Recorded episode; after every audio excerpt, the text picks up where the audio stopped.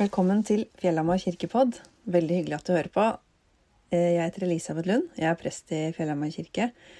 Og eh, i dag, som det er 22. Eh, januar, hadde jeg gudstjeneste i kirka vår. Og prekenteksten er fra Johannesevangeliet kapittel 2. Og jeg skal lese den for deg og dele det som var dagens preken. Den tredje dagen var det et bryllup i Kana i Galilea. Jesu mor var der. Også Jesus og disiplene hans var innbudt, og da vinen tok slutt, sa Jesu mor til ham, De har ikke mer vin. Kvinne, hva vil du meg, sa Jesus, min time er ennå ikke kommet. Men moren hans sa til tjenerne, Det han sier til dere, skal dere gjøre. Det sto seks vannkar av stein der, slike som brukes i jødenes renselsesskikker. Hvert av dem rommet to eller tre anker. Fyll karene med vann, sa Jesus til tjenerne. De fylte dem til randen. Øs nå opp og bær det til kjøkkenmesteren, sa han. Det gjorde de. Kjøkkenmesteren smakte på vannet, og det var blitt til vin. Han visste ikke hvor den var kommet fra, men tjenerne som hadde øst opp vannet, visste det. Da ropte han på brudgommen og sa, alle andre setter først fram den gode vinen, og når gjestene blir beruset, kommer de med den dårlige. Men du har spart den gode vinen til nå. Dette var det første tegnet Jesus gjorde. Det var i Kana i Galilea. Han åpenbarte sin herlighet, og disiplene hans trodde på ham. Slik lyder Herrens ord. Vi er i bryllup. Eh, et bryllup som ble feira i Kana for 2000 eh, år sia. Kanskje litt annerledes enn sånn vi feirer bryllup. Men jeg tror de visste mye om hvordan livet og kjærligheten bør feires. Bryllupsfester varte gjerne en hel uke, og hele landsbyen var med.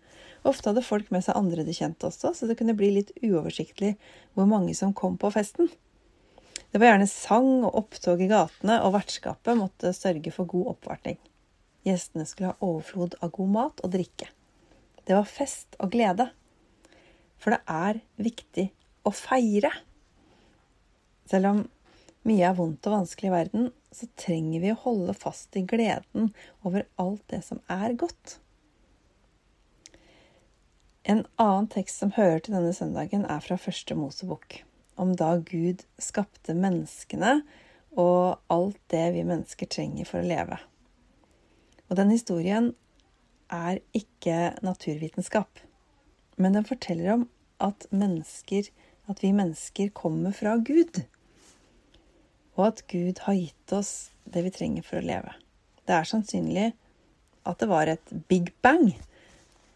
Men hvis vi tror at Gud står bak, så kan vi med det store smellet ane en enorm kraft i viljen til å skape liv. Gud har gitt oss livet og jorda og kjærligheten. Og i dag handler det om å feire det. Vi er i bryllup. Og i Bibelen blir ofte bryllup brukt som et bilde på den fullkomne glede i Guds rike, det som en gang kommer. Men hvordan er det å være på fest med Jesus? Hvordan er det å feire sammen med Gud? I det bryllupet i Kana så blir det litt krise. Det går tomt for vin. Men det virker ikke som det er så mange som legger merke til det. Men Maria, mammaen til Jesus, hun ser.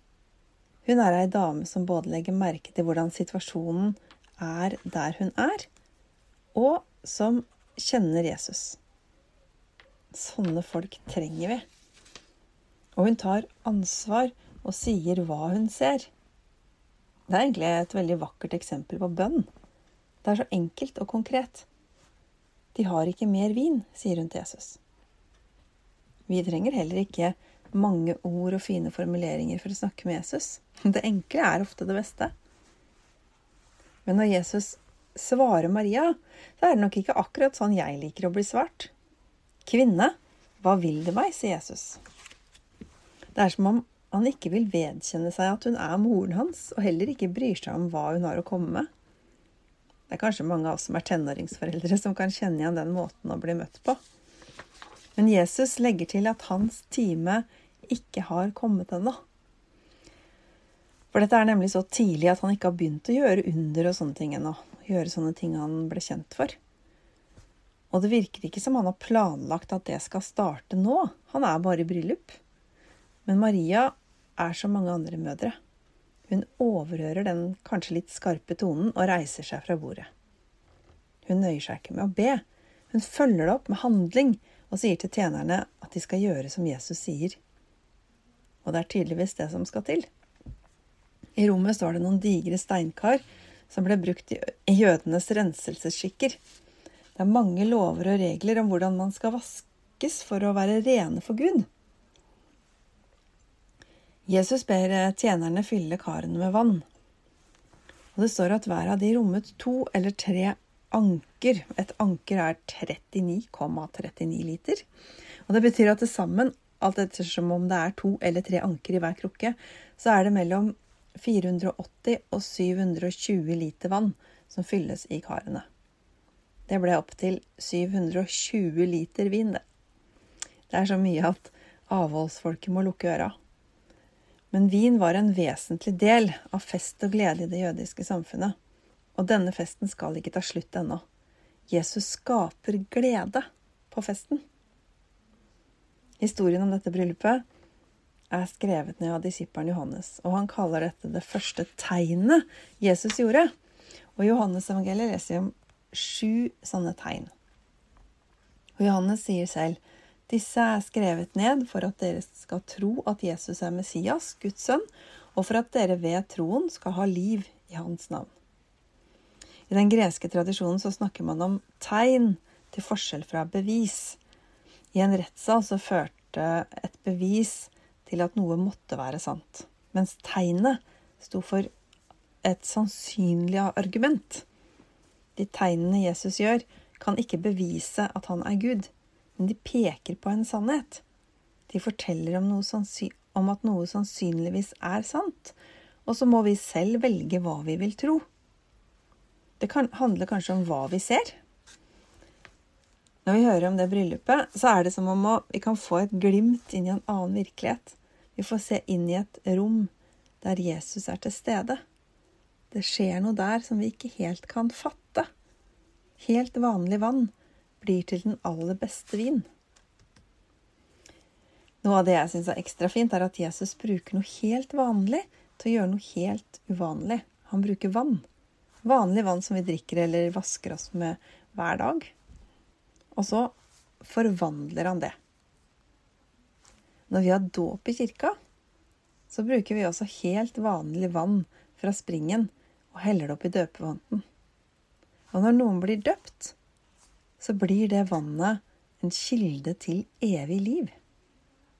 Det kan vi ikke se, men det handler om hva vi tror på. Det vanlige vannet åpner for noe som er uendelig mye større. Vi kan tro at vi også nå er i et rom der Jesus er til stede. Det er ikke et annet sted, det er her og nå. Det skjer noe som vi ikke kan fatte. Og jeg tror at det ofte skjer ting som vi ikke ser eller legger merke til. Ser vi hvor Gud er i livene våre? Ser vi hvor Gud er midt i alt det vi holder på med. I møte med mennesker, i kirka, hjemme hos oss, på jobb, skole, barnehage. Når vi er alene, eller når vi er på fest. Jeg har tenkt på at det virker ikke som så mange av de som var i det bryllupet i Kana, egentlig fikk med seg det som skjedde. De merka kanskje ikke at det gikk tomt for vin engang. Bare Maria, tjenerne og disiplene. Kjøkkenmesteren syns bare det er rart at brudgommen har spart den beste vinen til slutt, og gjestene fikk bare nyte vinen som ble servert. Det er ikke sikkert at de visste at Jesus var på festen engang. Han var jo ikke noe kjent ennå. Det er kanskje mye som skjer som vi heller ikke alltid får med oss at har med Gud å gjøre. Det er mye godt vi opplever, mange små tegn mange spor etter Gud i livene våre. Det handler ofte om hva vi ser etter, og hvordan vi ser. Hvordan kan øynene våre åpnes, så vi ser at Jesus er til stede? Kanskje skjer mange under som vi ikke legger merke til? Når vi får servert mat som smaker himmelsk, er det bare fordi det er en god kokk, eller kan Gud ha en finger med i spillet? Eller når et menneske er mer glad i meg enn jeg kan fatte at går an, er det bare flaks, eller er det et mirakel fra Gud? Jeg tror Gud, som har skapt alt, stadig virvler rundt og fyller livene våre med små og store under som vi ikke alltid oppdager. Det kan være så mye å takke for, særlig hvis man er på fest med Jesus og vil legge merke til hva som skaper glede. I bryllupet i Kana var det nok av mat, og det ble overflod av vin. Når vi feirer nattvær i kirka, så er det også et festmåltid. Men det er noe veldig lite og stusslig vi deler ut. Det er så lite det kan få blitt. En tørr og glutenfri kjeks som dyppes i alkoholfri vin. Men det hele handler om hva vi tror. For det åpner for noe større. Noe vi ikke kan fatte. Jesus er til stede. Vi kan få tro at vann kan bli til vin. Vin kan bli til nåde. Tegn kan bli til tro. Og tro kan bli til handling. Og det er litt av et under når det skjer. Ære være Faderen og Sønnen og Den hellige ånd, som var og er og blir en sann Gud fra evighet til evighet.